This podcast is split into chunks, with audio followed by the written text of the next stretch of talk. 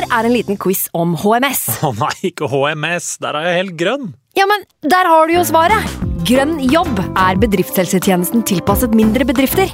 Våre HMS-eksperter hjelper mer enn 8000 bedrifter over hele Norge med alt fra lovpålagte HMS-krav til pålegg fra Arbeidstilsynet. Få på plass bedriftshelsetjeneste på grønnjobb.no. Hallo? Jeg kommer fra Oslo politikammer. Ine Jansen er purk. Er du purk? The motherfucking bitch. Alt jeg vil, er å finne ut hva som skjedde med mannen min. Jon Carew. Er jeg sikta for noe? Iben Akeli. Det er du. Ole So, Lars Berrum og Big Daddy Karsten. Hvem sin side er du på, egentlig? Anette Hoff, Tone Danielsen, Kommer du fra Afrika? Jørnis Josef, Nesten. Kløfta. Trond Espen Seim, Det er synd å si det, men det var feil mann som døde. Purk. Premiere tirsdag på TV2 Play. Nå har vi starta. Fantasyrådet. Hei, og velkommen til podkast med Fantasyrådet. Fantasy, fantasy, fantasy. Topp 10 og topp 10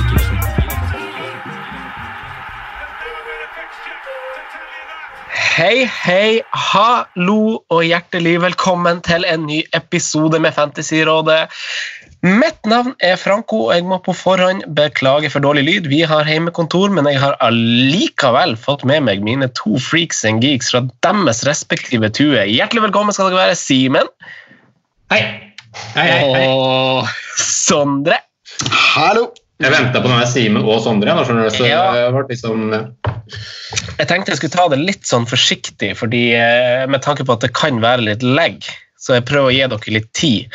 Og det her har vi jo lært litt gjennom Patreon-episoder, at, eh, at når jeg henvender meg til dere, eller dere for så vidt motsatt, så må vi kanskje bruke litt navn og henvende oss litt spesifikt, for det er heng litt etter, og så kan det bli noen sånne misforståelser, fordi man klarer ikke å lese det kroppsspråket på samme måte. Enig, Sondre?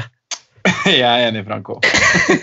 Enig, Simen? Enig, enig, enig. Og som pedagoger så burde ikke det være noe problem i det hele tatt, for vi bør jo kunne vite hvem vi skal omtale oss til. Mm. Sant det. Sant det. Mm. Sant det. Sant det. Eh, Sondre, Ja. i dag skal vi snakke litt eh, Fantasy Premier League. Vi skal snakke litt Premier League, gjøre litt rent fotball ut av det, og så skal vi avslutte med litt kos eh, i disse dystre dager. Eh, men jeg lurer jo på hvordan det går med deg, for du er jo den eneste av oss som faktisk har korona. ja. Skal man kødde med det? Det er greit, kanskje? Ja. Men det er jo fakta, du har jo det. Jeg har ikke fått det påvist, Franco. Om du tror du har det, så har du det. Så har du det. Det er jo ingen som får det påvist lenger. Nei, jeg, jeg skal jo Jeg skal ta test i morgen, da. Så da kan man kanskje få det påvist. Men jeg, det er viktig at alle nå oppfører seg som at de har korona.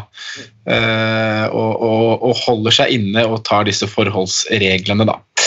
Men eh, det går veldig bra med meg. Jeg, grunnen til at du sier at jeg har korona, er fordi jeg har vært uh, forkjøla i to uker og blir jo ikke frisk. Eh, og det hostes og harkes og ja, pustes. Uh, og så er jeg en jobb da, hvor, uh, som går under helse, helsevesenet, så jeg får da muligheten til å teste meg uh, for å finne ut om jeg skal tilbake på jobb eller ikke.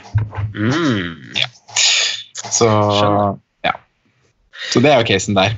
Ja. Men jeg har det veldig fint. Jeg ligger hjemme i senga og spiller FM og har litt kontakt med elevene mine og ja, gjør det jeg må. Ja. Ikke dra ut og spre risiko. Nei da. Jeg var ute, var ute og gikk en tur i dag, men én meter og håndvask, så er det, så er det eh, riktig, vet du. Veldig bra. Vi skal få denne greia over fort, fort og brutalt. holdt på å si. Ikke drege det noe lenger enn nødvendig. Eller her, Simen, hvordan har du det? Ja, jeg har det egentlig ganske bra. Ja. Eh, For min del så er det ikke det å ha hjemmekontor så fryktelig ille. Altså. Jeg har det jeg trenger. Jeg har PlayStation, jeg har eh, PC å game på, og ja.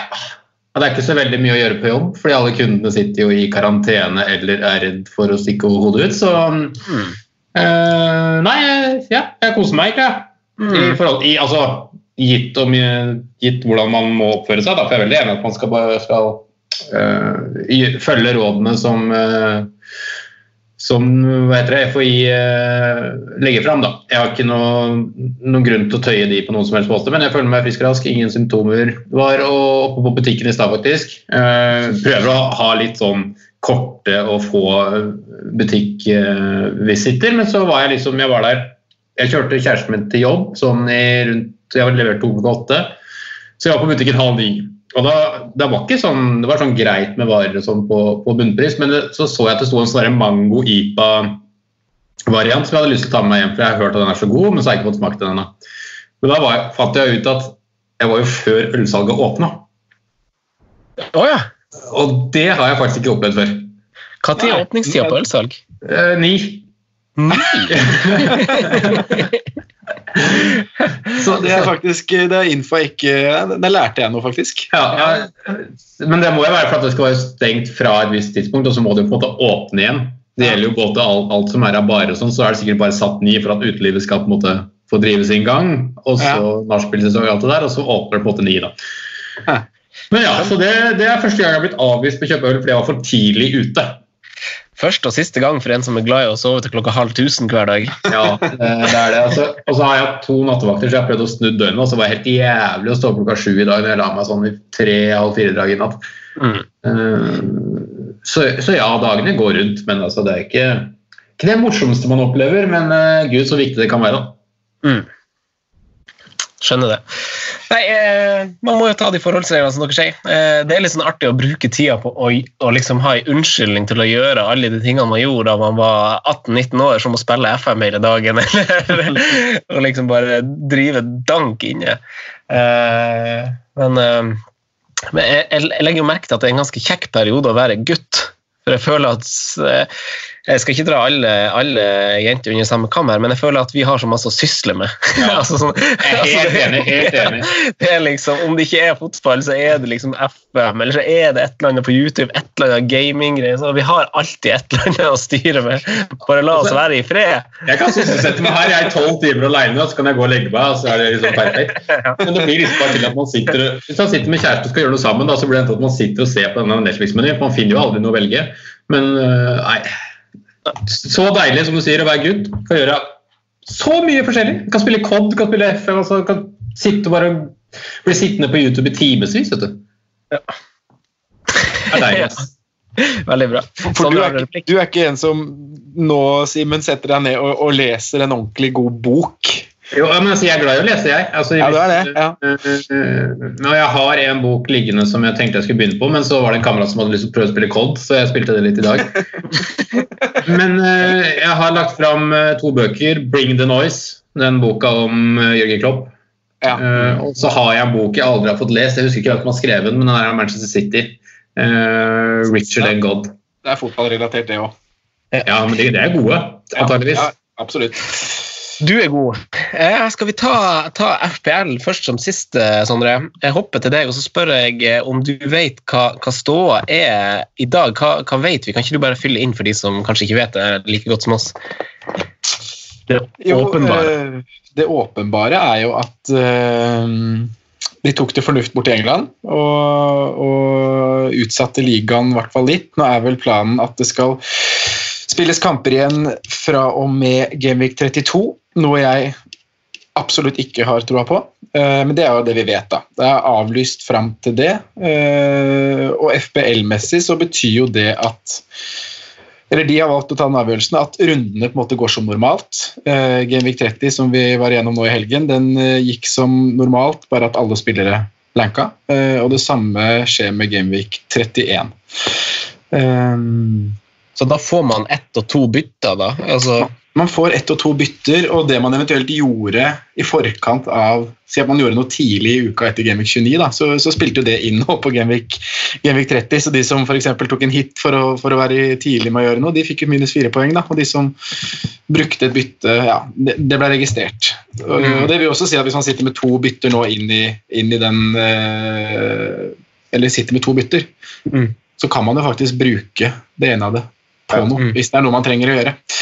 Eh, men ja, det er, jo, det er jo bare en helt absurd, eh, absurd situasjon. og det var jo det jeg eh, også kom til skade for å skrive på vår felles Twitter-konto når jeg skulle gi ut litt informasjon om, hva som skjer fremover. For jeg syns hele situasjonen er absurd, og jeg er ganske klar i min mening på hva jeg syns FPL burde gjøre. da. ok, du får lov, å- får lov å utdype. Ja, det, det Jeg syns at det, nå vet vi jo ikke hva som kommer til å skje. Men sånn, sånn det ser ut nå, så har vi eh, vi, vi, får, vi har en del hengekamper fra runde 30 og fra 31 da, som skal plasseres et sted igjen. Eh, og hvis da Vigeland starter opp igjen i runde 32, noe som jeg sa til at jeg ikke tror kommer til å skje, men hvis den gjør det, så betyr det at vi må plassere disse, disse kampene som mangler, inn et sted. og Da er det jo snakk om at Gameweek 38 da, skal bli en sånn kjempestor gameweek med, med veldig mange doble, trippel, eh, med doble og trippelrunder. Eh, og da, da føler jeg på en måte at eh, innspurten vi får nå, i mine øyne så blir det ikke Det kommer ikke til å bli fair. Eh, og man vil aldri få det, man vil jo ikke få et resultat som på en måte er eh, som er tellende. Har vi mista Franco, eller? Eh, det kan se ut som han frøys der, ja. Helt så satt han usedvanlig stille. Det var kjedelig. Ja, men jeg er enig med deg. da, altså det, er, det blir jo ikke fair på noen som helst måte, men man får ikke gjort noe så mye med det heller, annet enn at man burde jo i mine øyne fryst da. Ja. sesongen enn så lenge, og så heller bare starte opp der man bestemmer seg for å plukke opp tråden. Om det er i sommer, om det er i høst, eller om det, hva det skulle være. altså bare... Altså, altså bare fortsatt derfra, ja. Ja, for Hvis man bare lar det gå nå, da, så sitter vi igjen med hva var det Knut skrev til oss, 92 kamper i Mm. Gaming 38. Mm. For det første så får jo ikke jeg og du, um, eller vi, noen av oss, brukt alle uh, chips. Nei, det er det, det, det, er det som er poenget mitt her. Da, at det blir resultatet vi får mot slutten, vil Sånn som du som har øh, du, som, du har jo alle fire chips igjen. Eh, Du vil jo komme i et problem på å måtte velge hvilke chips du eventuelt skal bruke. Eh, Sånn som jeg som lagde en plan før Det er ikke krise for meg der, for jeg har freehit-chipen din, den kan jeg bruke i 38. Men jeg lagde jo en plan hvor jeg skulle bruke den da, og, og nå ble bare alt forandra, man man sitter da eh, litt i saksa, i hvert fall for de som har brukt både wildcard og free hit allerede. For de er jo sesongen helt ferdig. Ja. Eh, eh, så det, det er liksom det resultatet vi får, som jeg bare mener at vi kan ikke lese noe ut av det. Året kommer jo alltid til å bli huska for, for koronaåret, men eh, du vil jo få det her inn i sesongranken din. Det er så veldig kjedelig. Noen ligaer betaler ut penger. eh, Det er jo opp til hver enkelt ligaleder å velge hvordan man gjør det. Men det også er en kjedelig greie å måtte, måtte styre årene med det. Mm. Så nei, jeg syns bare annuller, eh, annuller alt sammen, og så, og så er på en måte Ja. Så var det sånn det ble i år. For det blir ikke riktig å telle det blir ikke riktig å telle fram til Gameweek 28 heller, for da er det jo veldig mange som fortsatt Nei. ikke har fått brukt chipsa sine. Nei, Jeg er enig med deg at alt blir på en måte ødelagt på et vis også, men så lenge man spiller 38 runder og spillet eh, på en måte fullføres, da, så Mm. mener jo jeg at man skal uh, Man kan ikke annullere det. Det er på en måte greia mi. Men jeg syns det er helt latterlig hvis man bare lar gameweeksa gå. Fordi da blir det en, en gameweek som blir så stor, og så får du åtte blanks, altså alle lagene blanker i åtte runder, eller hva det blir. Det Mm. blir jo bare tøv. Ja, det blir bare tøft. Det kan ikke være så jævla vanskelig å sette et spill på frys. Nei, det er vel Eliteserien Fantasy har vel klart å gjøre det. for de skal jeg vet ikke om Det burde ikke være noe forskjell på det, men de skal jo starte.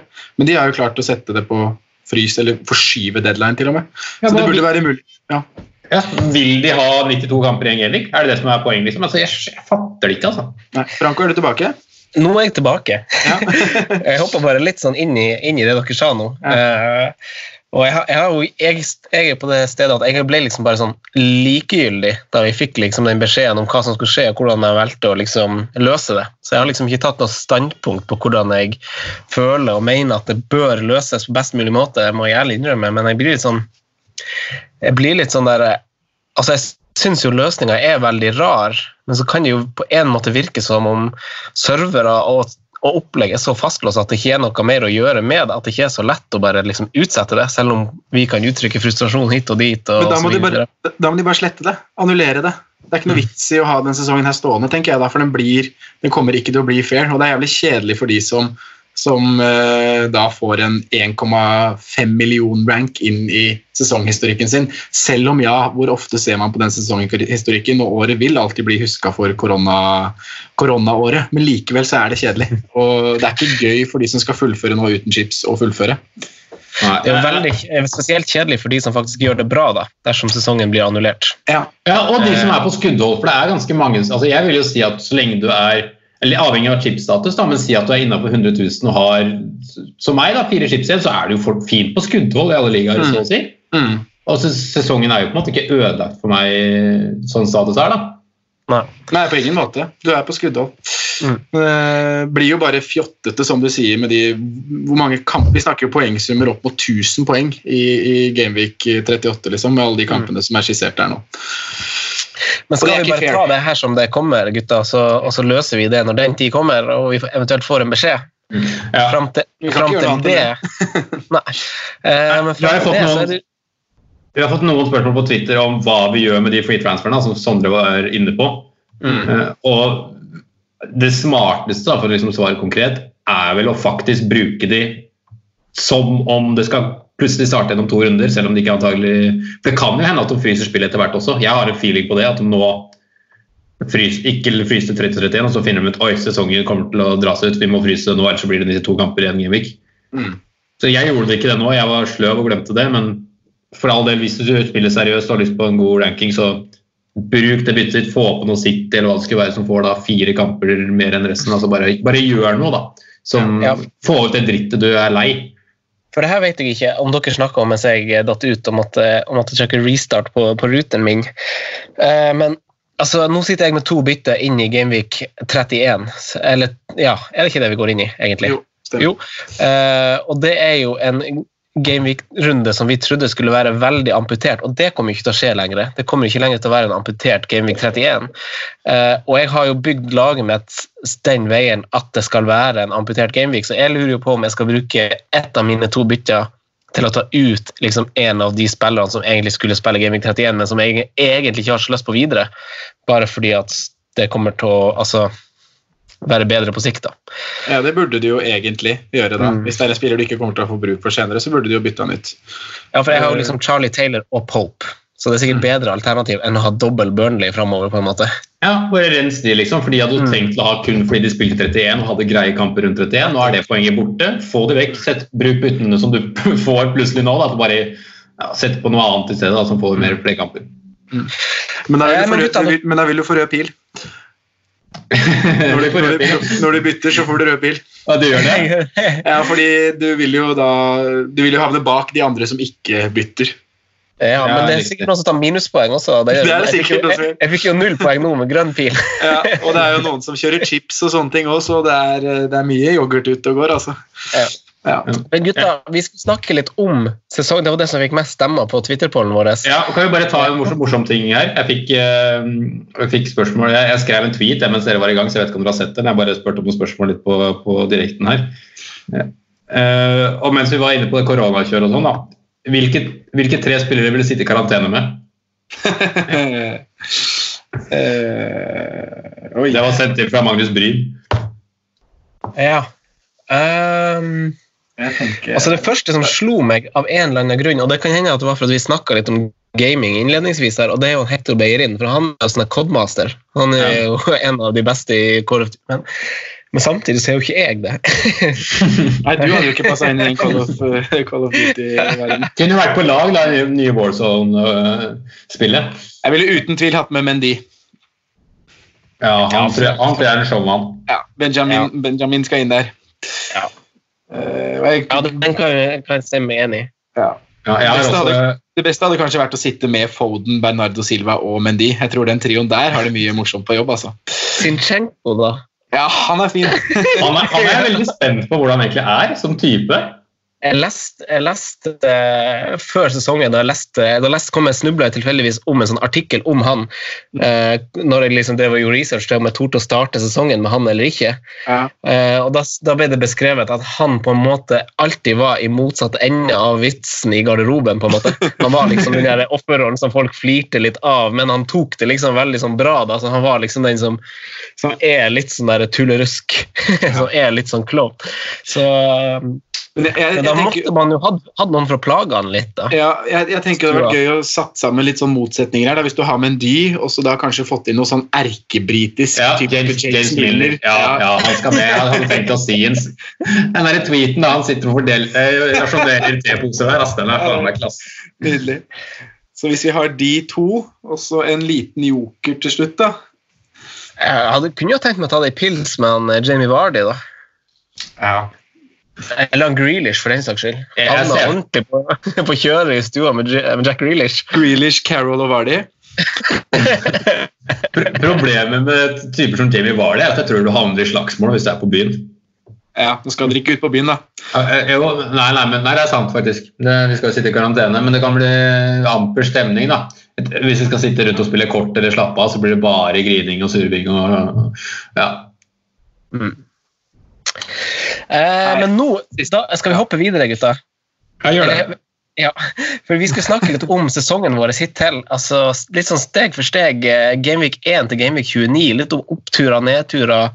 Hva dere har lært. Hvor det har gått galt, hvor har det gått veldig bra. Og hva man tar med seg videre. Um, Simen, hvis vi, hvis vi starter, starter litt med det. Hvordan start, du kan, eh, Ordet er liksom bare dette, og så løser du det som en åpen oppgave. Ja. Jeg starta egentlig ganske sånn uh, midt på treet, vil jeg si. Uh, første ja, Etter tre serierunder så lå jeg som en million, og da har du på en måte en helt grei start, for det er alltid noen tullinger som driver og smeller av chip, chips i starten. Uh, og som gjør at du på en måte naturligvis, med mindre du har krisefly, kommer helt til toppen. da. Mm. Eh, men jeg følte jo Jeg var jo på en del av de spillerne som man kanskje uh, sett i etterkant alle var på, men man ikke skulle vært på. Det var veldig mye hype før sesongen, f.eks. om Ayose Perez, uh, som jeg var vel kanskje lokfører i det uh, hypekjøret der. Og så var det liksom Jeg starta sesongen da når jeg ser på laget mitt med Gylfi Sigurdsson, Ryan Frazier, Ayose Perez og Callum Wilson. Mm. Eh, fire spillere som egentlig ja, Callum Wilson var jo egentlig greit, men ingen av de leverte bra egentlig i starten. I hvert fall sånn prestasjonsmessig. Nei. Så gikk det seg sånn uh, gradvis uh, greit fram til og med runde seks, og så begynner den kontinuerlige fallet, egentlig. Og så ligger jeg liksom hele veien, klarer ikke å komme meg sånn opp. Jeg blir hoppende fram og tilbake da, mellom 200 og 400 000. Ja. Jeg kommer meg liksom ikke ut fra den eh, Jeg vil ikke kalle det gjørme, for det er det ikke, men eh, det sjiktet der, da. Mm. og så er det litt sånn gradvis var jo Syns jo egentlig jeg var litt Sånn sesongen min sånn oppsummert føler jeg at jeg har vært litt for lenge på, på den derre wait and see. Mm. Ikke turt å hoppe på noe særlig. Tenkt at alt var i blaff. Har jo ikke hatt Timo Pukki, var sein på Abraham, var sein på Jamie Vardy. Eh, egentlig sein med avtrekkeren på wildcard. Altså, jeg føler jeg har vært litt sein hele veien. Ikke, det kan jo ha en, ha en sammenheng med at jeg ikke har brukt noen chips ennå. At liksom hele veien er sånn kommer bedre muligheter senere, men det er ikke sikkert det gjør det. Nei, men Du er nå inne på, inne på topp 100 000 nå da, og har fire chips igjen, så utgangspunktet for en bra sluttspurt var jo, var jo godt. Ja, det var Gameweek eh, skal vi se, Gameweek 22, nei 23 som var på en måte min litt sånn turnaround. Uh, når jeg liksom klatra opp igjen, og det er den runden hvor veldig mange cap cappa vel Jamie var Nei, det gjorde de ikke, de cappa ikke han, men uh, det var nesten ingen som traff på kaptein. Eh, Liverpool spilte 2-0, eh, slo United hjemme 2-0 eh, med Salah-scoring og Trent assist, hvor jeg står med trippel Liverpool bak. Eh, pluss at jeg har Traoré og, Jack Reelish, hvor jeg klatrer Eller jeg har gaming rank på 200 000 ca. Mm. Som gjør at jeg kommer meg fra det 200 000-sjiktet og inn i topp 100 000. Da. Mm. For det er ganske stort sprang når du er så langt ute i løypa. Ja, absolutt, faktisk. Så, men det er liksom, deg, hva skal du ta med deg videre? Hva har du lært at du skal gjøre når vi sitter, sitter i august, hvis det ikke blir sesongstart i september, da, hvis alt forskyver seg? og, og sånt. Hvordan, eh, hva, hvordan grep har du lært at du skal ta? jeg syns jeg skal bli litt mer trigger-happy. Jeg tror det er litt av greia. Eh, ikke vente så lenge med bytter, for det gjør noe med lagverdien totalt. Og så være litt mer kjapp. Jeg føler jeg har vært bundet meg for mye til disse FP11-reglene til Sondre. Mm. Jeg har vært eh, Jeg blir litt med triggerhappy. Hoppe på med en gang, få med seg prisøkninger, unngå prisfall. eh, bare bli litt mer med bølgen på enkeltspillere og bare dekk de poengene. og ikke ja. Sånn som jeg startet sesongen med Lundstrøm og kasta han i skulle vi se, Gameweek 4 på wildcardet mitt. Du gjorde det. Eh, Så nei, vent da. Jeg kasta han ikke i runde fire. Jeg kasta han i runde seks. Kastet jeg Lundstrøm. For Otamendi. Mm. Fy faen. Hør på det bildet. Eh, Sondre, da. Ja. Fra Gameweek 1 til Gameweek 29. Oppturer, nedturer. Highs and lows. Highs and lows, lows and middles. Eh, nei, det har jo vært en trå reise, da. Vi bruker begrepet reise, gjør vi ikke det? Eh, Starta jo egentlig ut uh, da et ganske greit, jeg da, etter hva Simen sier her, med en overall rank på Hvis du var på 3 millioner, så lå jeg på 1,1 etter Gameweek 1. Jeg lå på én million, ja. Ja. Etter Gameweek 1? ja. Å ja. Mm. Uh, skal vi se, her skal jeg få det opp, jeg.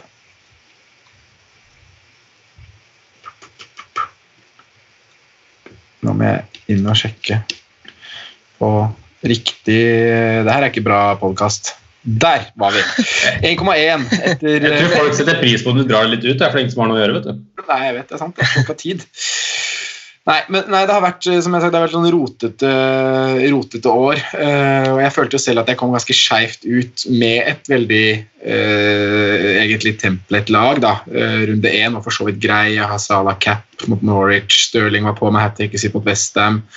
Uh, men i starten så blei det jo jeg hadde jo en spisstrio for eksempel, som ikke leverte noen ting. Jeg starta også med Colin Wilson, som Simen nevner. I tillegg så hadde jeg Vardi og Håta, som også var iskalde. Håta var jo iskald lenge, men Vardi også var iskald et par runder der før han, før han våkna.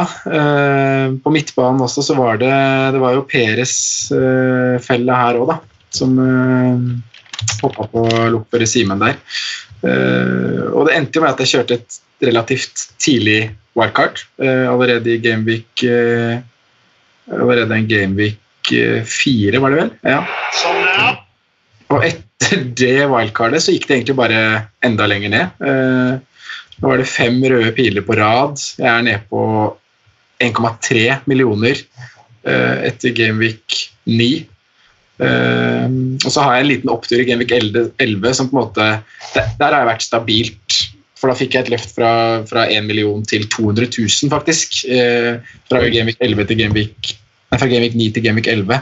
Eh, det var det der Lundstrøm hadde to skåringer og, og null hjemme mot Burnley. Vi hadde Kyle Walker inne, Franco, som også fikk levert noen Å, mål. Ah. Oh, ja, var det den runden? Ja, det var den runden der. Eh, Men fra Gamvik 11 så har det vært fra 200 000 eh, til 100 000, og så klarte jeg å karre meg inn på, på, på, eh, på 100 000-grensa fra, fra Gameweek 19. Og etter det så har det vært typ annenhver annenhver rød og grønn pil, eh, hvor, de, hvor de fire av de seks siste har vært røde. Og det, også, det gjorde jo også at jeg tok det grepet jeg gjorde rett før vi fikk eh, eh, avlysning her, med både wildcard og, og planen om å gå en alternativ vei. Da. Eh, men jeg satt og kikka litt på Jeg telte opp kapteinstreffene mine i stad. Eh, Jeg føler at det har vært en stor sånn faktor at, som har gjort at jeg ikke har klatra. For jeg har, jeg har jo hatt et ganske template-lag eh, og truffet på en del spillere som har vært eid av mange, men som egentlig burde gitt meg en avkastning. Men det er, det er jo kapteinen min. Jeg har 13 av 28 runder, så så har jeg truffet. Oi. Eh, og det er ikke veldig bra. Det er under halvparten, det. Ja, og da har jeg også da har jeg tatt og truffet Det er på en måte en tipoenger, da. Eller at jeg har fått en tosifra sum, sum. Så i tre av de 13 rundene så har det vært ti poeng på kapteinen. Det vil jo også si en assist. Mm. eh, så kapteinsvalg uh, har vært skralle greier. Eh, Og de rundene hvor jeg har truffet på kaptein, så har det også vært veldig mange andre som har truffet på kaptein, så jeg har på en måte ikke klart å hente noe poeng, poeng i de rundene. Uh, også sånn som Simen sier, jeg har heller ikke vært så offensiv på å komme meg på, på de eh, spillerne som har levert, da, som jeg også trodde kanskje har vært litt blaff. Men, men der har det jo vært I år så føler jeg egentlig alle spillere som har øh, levert, har på en måte holdt det i gang. Det har vært veldig vanskelig. De som har hoppet på, har på en måte truffet med å gjøre det. da.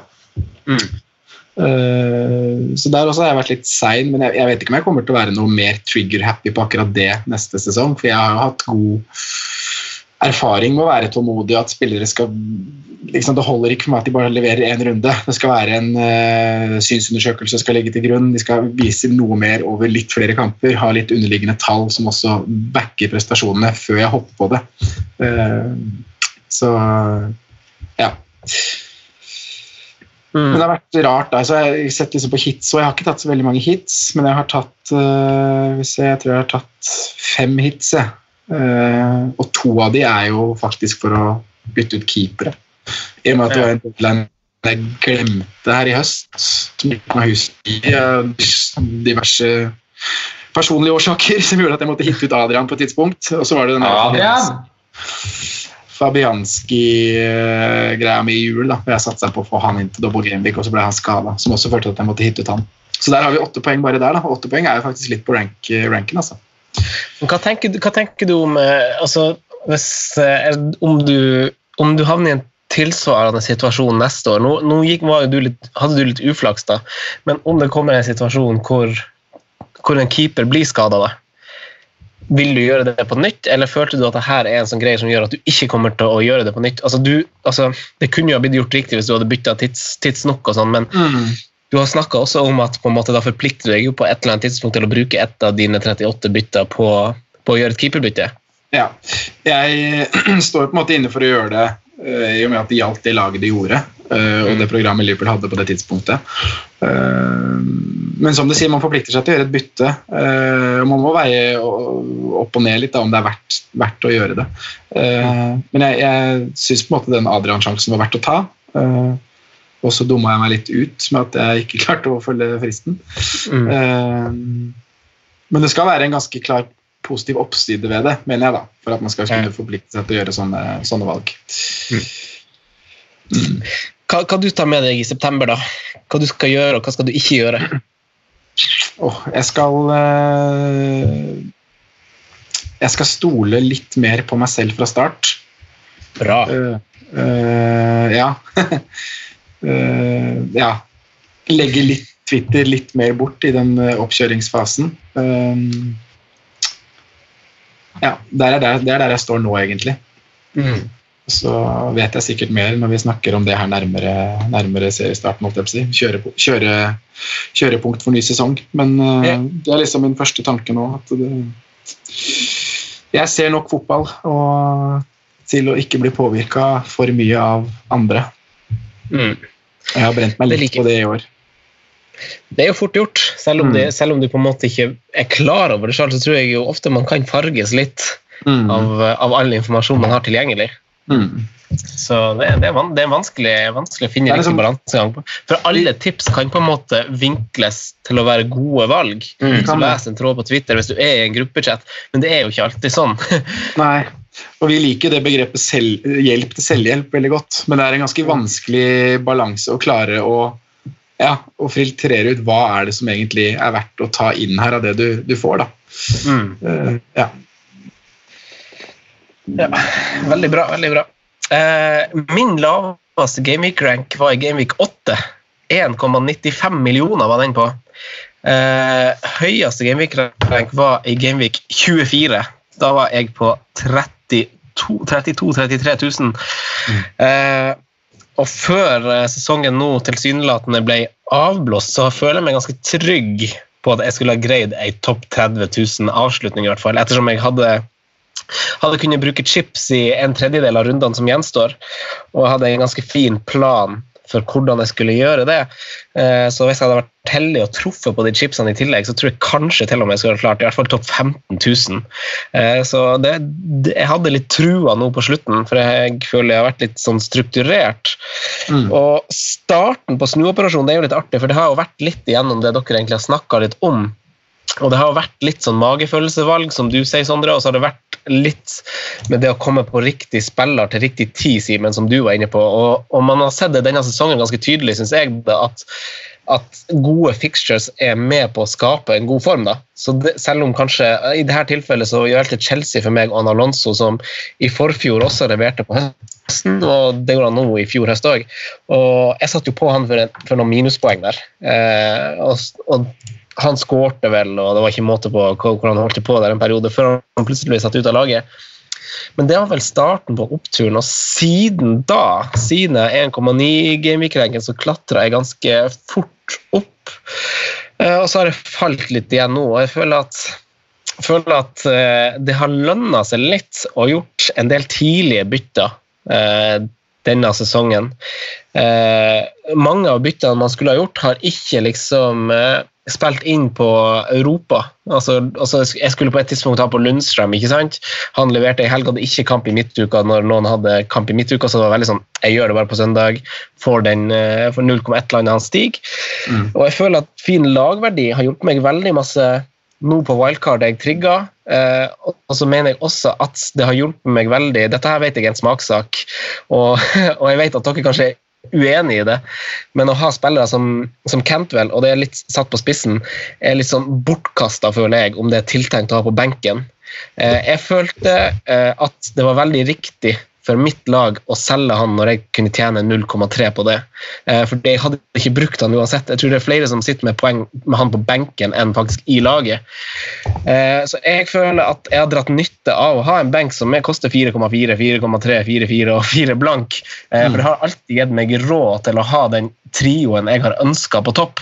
Det har aldri vært noe vanskelig å få tak i Aubameyang eller Aguero eller på det tidspunktet jeg skulle ha Raoul Jimenez eh, ved siden av Vardy og Tammy, istedenfor at jeg måtte nedgradere en av de. Så jeg føler at det er jo en av tingene jeg kommer til å verdsette veldig masse neste sesong også. Det å ha en så billig benk som mulig, hvor eneste kriteriet er at de starter fotballkamper.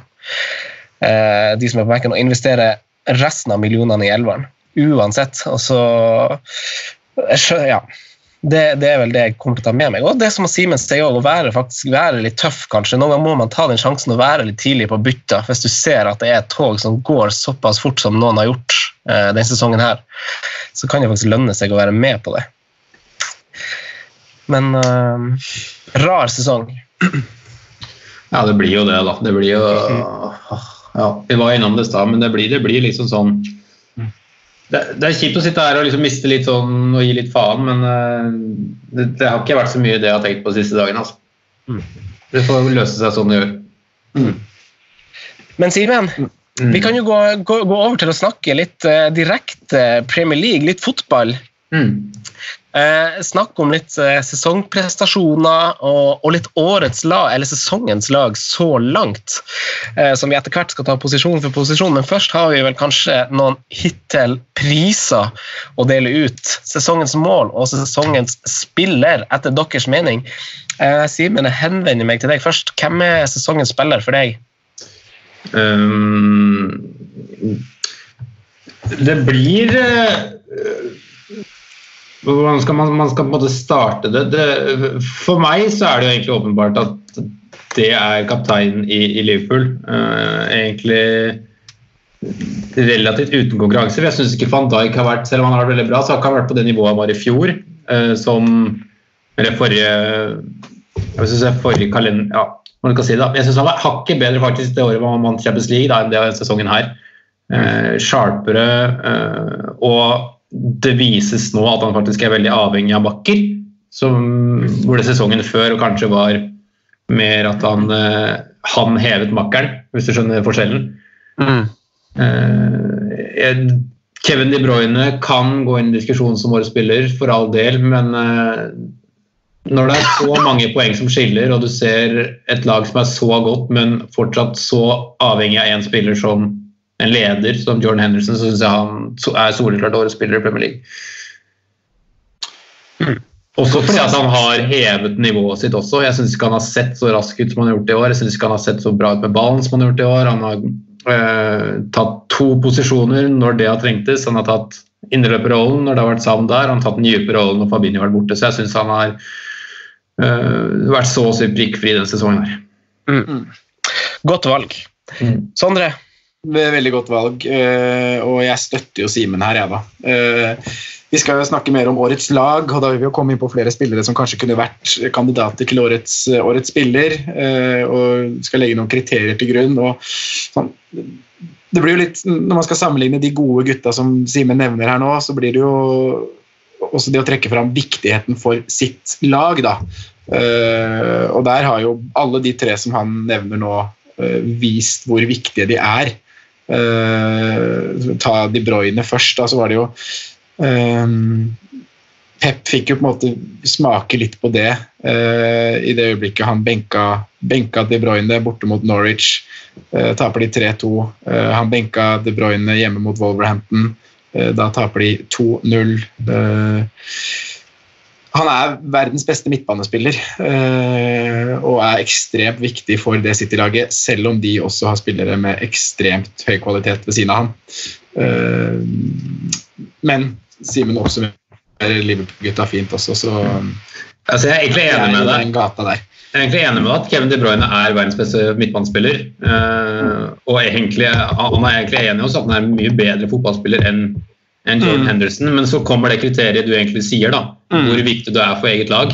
Og der tror jeg faktisk, i det stjernegalleriet Liverpool har altså Det er en grunn til at han er kaptein, og ikke van Dijk vurderes engang. Han er eh, han er på en måte limet i den gjengen der som eh, altså, Man kan godt sammenligne med Invincibles og sånne ting. Jeg, skal innrømme at jeg ikke husker det Invincibles så godt som mange andre gjør. da. Men eh, å være så dominerende i en liga i 2020, da, det er enormt, en enorm prestasjon. I hvert fall for et lag som ikke har vunnet Premier League før. Eh, og når du er da den klart viktigste brikken, så syns jeg på en måte det titulerer seg litt selv. da. Men, men eh, når vi snakker om Henderson og van Dijk, da, hvis vi liksom lar det være en duell mellom de to, så, så må man jo tenke Henderson har hatt en veldig eh, vært veldig fremtredende kanskje det siste halv, halvdelen av den lille sesongen vi har. Eh, og han var vel ikke så Arrester meg gjerne nå, men det var vel ikke så viktig i starten, og da var han vel heller ikke helt inne i laget. Eller var det skadeproblemer som gjorde det? For han var vel litt, litt ut og inn der i starten, om jeg ikke husker helt feil. Mm. Uh, og der har jo på en måte van Dijk vært den stabile, med han har vel så å si spilt Han har vel 90 minutter ganger 28. Eh, ganger 29. Uh, ja, ganger 29. Så det bikker kanskje, da. Van Dijk, årets spiller. Det kan gjøre det, også samtidig som sier de kampene de ikke har spilt. Det er vel semifinalen i klubb-EM, og det er et par cupkamper. Mm. vi- Den ene cupkampen vi benka van Dijk mot de der, hvem var det, Shrewsbury. Eh, De derre. de der, ja. Mm. Så måtte faktisk Klopp gjøre endringer fordi midtstopperparet ikke funka sammen. Dejan Lovren Joel Matip. Han måtte bytte ut Joel Matip for å sette Fabinho ned som stopper mot et lag i League One, eller hva det er. Så um, jeg er enig, van Dijk er veldig veldig bra, men, men Henderson vipper det for meg. altså. Mm. Franco, hva tenker du? Jeg har skrevet uh, The Brunch. Ja. Uh, Henderson som nummer to. Og det var litt, uh, litt det du sa, Sondre, som kanskje vippa det litt for meg. Eh, det at eh, De Bruyne har vært så stabilt god gjennom hele sesongen. Og jeg er enig i alle argumentene til han Simen, det er derfor Henderson som nummer to. Men så er det litt sånn Ta alle kampene i betraktning og husk det som også skjedde i august og i september. Så, så syns jeg det er vanskelig. Og han går vel for en type rekordsesong nå òg, så så, men jeg støtter både van Dijk og, og, og Henderson. Det, er ikke det. det var ikke et enkelt valg, eh, men De Bruyne er min mann. Det, er jo, det, det går jo ikke an å argumentere mot det heller. på en måte. Altså, Kevin er fantastisk, og det er, det er eh, Jeg kan ikke huske å ha sett en spiller da, som har så Han har fått en egen ja, Med unntak av Trent, da, så har han en egen, helt egen innleggsteknikk i fotballverdenen akkurat nå. Måten han eh, legger seg på sida og bare køler de ballene inn. Det er litt sånn eh, De få gangene Beckham traff perfekt, det gjør han nesten hver gang. Så det blir så, han, han blir litt sånn innleggens eh, Sånn som Juninho Pernambucano var på frispark. Oh, ja. Ja. Eh, Men sesongens mål den synes jeg var vanskelig, for det er veldig vanskelig å, å google når sesongen ikke er over. Mm. For jeg, jeg i hvert fall sliter litt med hukommelsen på å huske eh, veldig sånn spesifikke ting, men jeg har skrevet ned et par, et par stykk, og så har jeg For det har vært mange susere. Ja. Og jeg føler, jeg føler, jeg føler liksom jeg glemmer, glemmer noen. Jeg husker jo liksom Ruben Eves har hatt, og Poe har hatt, og litt sånn randoms. Eh, men uh, skal vi starte med deg nå, da, Sondre? Hvis du har eh, Hva er sesongens mål for deg? Ja, nei, jeg syns også det er vanskelig å huske på de her uh, ulike scoringene. Uh, og jeg har egentlig ikke prøvd meg å google meg fram til noe heller. Uh, og som du sier, det har vært ganske mange susere. Mm. Og jeg, jeg liker susere, altså. Eh, ikke, ikke misforstå meg nå, men jeg, for meg så er det som skal kåre et årets mål, så vil jeg at det skal inneholde noe mer enn å bare være et hardt og godt skudd. Nå vet jeg hva som kommer. Eh, jeg, jeg sier ikke at alle kan legge ballen i krysset fra 20-30 meter, og at det er veldig enkelt, men om et skudd må hylles, eller skal hylles, da, så bør det inneholde en sånn teknisk, eh, teknisk detalj av noe touch. eh, eh, rask ballbehandling som er litt eksepsjonell. eh, noe balanse som er må være noe ekstra der, da, enn at han bare får skyte upressa fra 30 meter klink. Klink i krysset, ref. Louis fra Villa, som han gjorde her. Husker Ja. når det var, ja. Men eh, ikke sant. Ehm, men eh, jeg har på en måte bare satt opp noen kandidater, og så husker jeg egentlig ikke Jeg, har ikke noe, jeg vet jo at City garantert har skåret noen sånne fantastiske penetreringsmål hvor de har eh, trekk på trekk på trekk og rulla seg gjennom og satt den. Mm. Husker ikke på stående fot. Ehm, men et mål jeg huska når vi begynte å snakke om det her, det var, det var Jamie Vardy sin scoring mot Bournemouth. Den kippen? Ja. Den chipen. Ja. Ja. Eh, for der har du det her eh, easy-peasy. ikke sant? Det ser så lett ut, og du har det touch i forkant der også, som er så nydelig. Mm. Eh, så den har jeg valgt å trekke fram. Eh, skal jeg ta fler? For jeg har, Lag deg en topp tre, da. Vi kan hoppe til han Simen han ja, ta en runde, da, så kan vi ja, Så ikke jeg tar alle Simen sine. Selv om jeg selv, helt sikkert ikke gjør det. Nei, altså Når du går inn på enkeltmannsprestasjoner, så er det første jeg tenker på, er Hong Min Son mot Burnley. Ja. Mm, ja. Det er en scoring som Men det sjukeste er at det første du tenker på når du tenker på den scoringen der, er Hatem Benarfa. Ikke Mads Det Hansen. eh, det er ikke mange som eh, Ikke Mads Hansen, nei. Ikke Mads Hansen, ja. Men det er ikke mange som har et så langt raid. Uh, Hatem Benarfa kanskje litt mer finesse. Uh, Hong Bin kanskje litt mer råkraft, speed, eh, hvis man skal si det, kan si det sånn. Eh, Men det er en enkeltmannsprestasjon som er helt, eh, helt, helt spinnvill. Eh, jeg er også veldig svak for uh, frisparkskåringer. Det har jeg alltid vært. Eh, Ja. Harry, Wilson, Harry Wilson sin mot Manchester City, den Mm. ah, Herre milde måned, ass. Det, for det er noe som du sier, alle kan, alle kan ha et langskudd, et drømmetreff. Eh, Man ser jo det titt og ofte typiske hva skal vi si, arbeidsjern som bare kliner til, og så ha- havner den i krysset. Eller titt og ofte, man ser det iblant, da. Men eh, det å legge et frispark over en mur eh, Du som keeper og sånn, vet jo det at eh, som regel så skal det egentlig bare et drømmetreff til for at den går i mål. Mm. Og Wilson han gjør jo det med den kraft og den presisjonen som trengs. Og han gjør det titt og ofte òg, da. Så mm, nei, jeg har lyst til å nominere den jeg, til årets skåring i Premier League. Mm. Det er bra han er god til én ting, i hvert fall. eh, jeg, har, eh, jeg har også en soloprestasjon eh, som er verdt å nevne, men ikke om det er eh, men det, Den er kanskje verdig en, en topp tre. Det er jo Jordan Ayus i soloskåring. Yeah. det, det jo, det blir jo fort gjort, og med god grunn, en litt sånn forgotten man i en sånn diskusjon med, med De Bruyne og Son og sånn, men var det mot Westham, eller? I den der Det var, midt, i- det var andre da jul. i, Gameweek 19, ja. ja. Jeg lurer på om det var da, altså. Det var boxing Så det er jo en fryktelig leken scoring. Uh, så ja, den, den er, må nevnes. Ja. Mm. Men har, ikke han, eh, har du flere sånne? Har han De Bruyne eller han Pereira? Det er liksom sånne spillere som, som, som, som slår litt i hodet med, som jeg ikke helt husker. Har de? Eller har du noen andre? De Bruyne har en klasseskåring mot Newcastle. Spor- spurte jeg han Sondre. Ja, men jeg tok Simen den, da. Ta deg Simen. Få høre. Ja, men den, den der, um, Skildre, skildre nå. Skåringa til De Bruyne mot, uh, mot Newcastle. Han tar den imot, drar av en spiller litt sånn bare en kroppsbevegelse og legger den tilbake igjen. Ganske knallhardt. Uh, Den er- husker dere den? Uh, Nei, jeg husker den faktisk ikke. Eh, det var eh, Jeg tror, jeg, jeg tror det er skjelvet han drar av. Jo, jo, jo, jo, jo, jo, jo, jo, jo, jo, jo. Den som Ja. sitter på volley. Ja, ja halvvolley, er det ikke det? Ja, den er fin. Stemmer det. Den uh, hvor han murer ned. Og Skjelvio har vel en ganske bra scoring i samme kamp, om jeg ikke tar helt feil. Det var 1-1-matchen, det. Har ikke du, Sondre, Sondre en bra volley å dra opp, av, eh, dra opp fra notatene dine? Jo, jeg har det. Og da tilbake til Gameweek 2. Eh, vår finske venn Timo Pukki. Ja, stemmer det.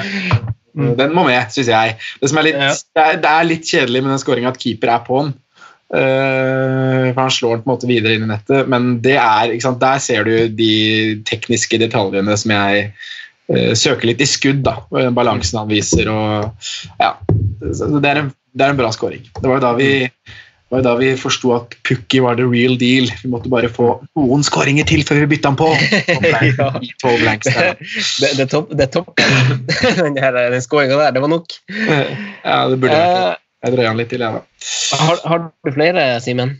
Eh, nei, nei, ikke nødvendigvis som bør være med i kåringa, men husker dere eh, Diandre Jedlin sin skåring? Ja. Hvor eh, hvor han tar sånn svalestup inn i mål. Eh, hvor eh, det er vel eh, Jeg husker ikke om det var San eller om det var han Al Almeron. Men det er vel egentlig et skudd, er det ikke det? Fra Maxime?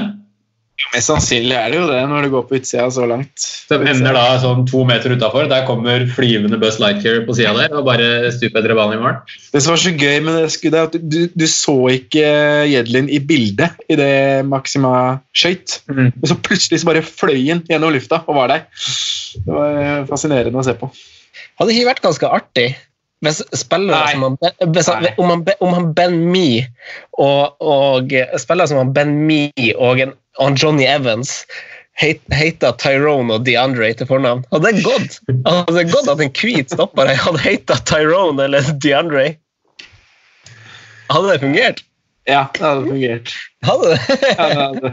Men navn gir jo litt sånn litt image, da. Det er jo liksom uh, ja. Nei, men hvis folk har flere, flere, flere årets lagnominasjoner, så, så skriv det i kommentar på Twitter. Det blir bare kult, det, for da blir vi påminnet litt tøffe ting som har skjedd denne sesongen. her. Mm. Vi tar, sesong, vi tar sesongens lag, og vi tar det jo sammen posisjon, posisjon for posisjon. Og jeg ønsker jo at dere har forberedt noen navn i hver posisjon. Kanskje dere har utgangspunkt i en ulik formasjon enn hva det jeg har. Så først vil jeg jo ta en liten runde og høre med dere hvor dere For vi må ha en definisjon ikke sant, på hva som er, hva som er sesongens lag. Er det liksom den beste elveren som hadde vunnet Champions League ti av ti ganger? Det har vi jo blitt enige om at det ikke er. Eh, så vi har litt eh, kriterier om at det er spillere som har levert ut ifra hvordan utgangspunkt de har, og prestasjoner og viktighet for laget og litt sånn. Eh, og så har vi jo alle tre lagd individuelle kriterier for, for hva som på en måte kreves for å i det hele tatt få være deltaker i det laget. Simen, hva, er- hva er dine kriterier?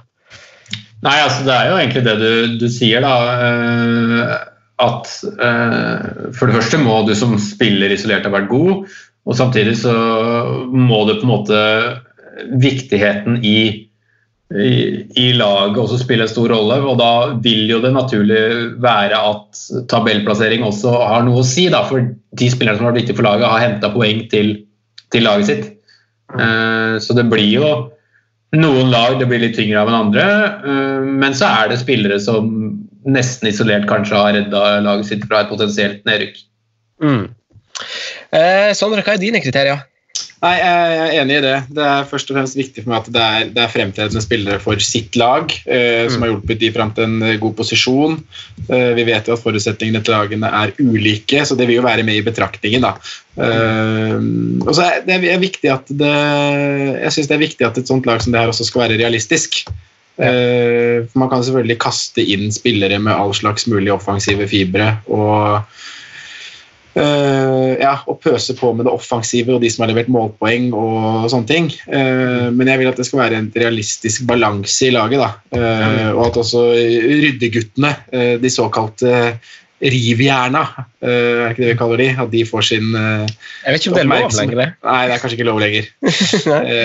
At de får den oppmerksomheten de fortjener, da. Så ja, det er også et kriterium, da. Nei, altså, slengt sammen Jeg har ikke satt noe utgangspunkt i noen spesiell form formasjon. Det får vi liksom bli enige om litt sammen, tenker jeg. Men jeg har i hvert fall skrevet ned en, en god del navn her, så Jeg, jeg, har noen, jeg har noen kriterier som, som dere ikke har nevnt. Jeg har lagd en elver som jeg har tatt utgangspunkt i, og så har jeg skrevet alternativ på en måte som nesten på en måte greide det. Men et kriterium jeg følte jeg måtte ta utgangspunkt i, var at uh, spillerne hadde starta minst 20 av 28 eller 29 kamper. da. Eh, og, og, og, og noen spillere spiller kanskje ikke i den posisjonen som de har vært best i denne sesongen. Men, som nei, sier, så, men, men som du sier, Sondre, så er det en posisjon som bekler dem helt fint. Ja. Eh, så, så jeg kan jo avsløre etter hvert hvem det er jeg tenker på når, når jeg sier det, men, men Ja, det blir jo litt, litt, litt trøblete å, å finne, finne spillere i front der som jeg følte at alle skulle spille i den posisjonen de har vært best i, om dere skjønner. Hvilken formasjon Eh. er det du har liksom tiltenkt det skisserte laget ditt her, da? Matt ble 4-2-3-1, 4-2-3-1, ja. Mm. Men det kan være 4-3-3 òg, alt ettersom du ser hvordan du ønsker å bruke den tieren. Jeg, tror vi vet, jeg tror vi vet hvem det er. Ja, tieren der er vel ganske klink. Eh, Eh, Men skal vi starte bak, eh, Sondre, med, med keeper? ja, Få høre. det kan vi gjøre. Og keeper er jo på en måte litt sånn eget, det blir sånn egne kriterier, da, føler jeg. For, det, for meg så er keeperspill handler jo om stabilitet. Eh, jeg liker jo ikke, og det her har vi snakka mye om, jeg liker ikke å bruke begrepet tabbe. eh, med mindre vi snakker om en sånn real bom, som er liksom du bommer på et tilbakespill eller kaster ballen i mål. Er Som. Bjarte Flem. Ja, da er vi på keeper-tabbe. Eh, eh, men jeg liker jo det er, jo- Vi snakker om feil, keeperfeil, og jeg vil ikke ha en keeper som gjør feil. Eh, redd det du skal, eh, og så, så har du et godt samarbeid med forsvaret ditt, så minsker det at du får mange umulige oppgaver. Uh, og Da trenger du egentlig ikke gjøre så mye ut av det. Da kan du på en måte være trygg og god. Og, um, og der er jo, skal vi se på årets sesong, så har du jo den mest komplette keeperen i ligaen. Uh, som selvfølgelig også skal inn i diskusjonen om verdens beste keeper for tida, sammen med Oblak, eh, Alisson.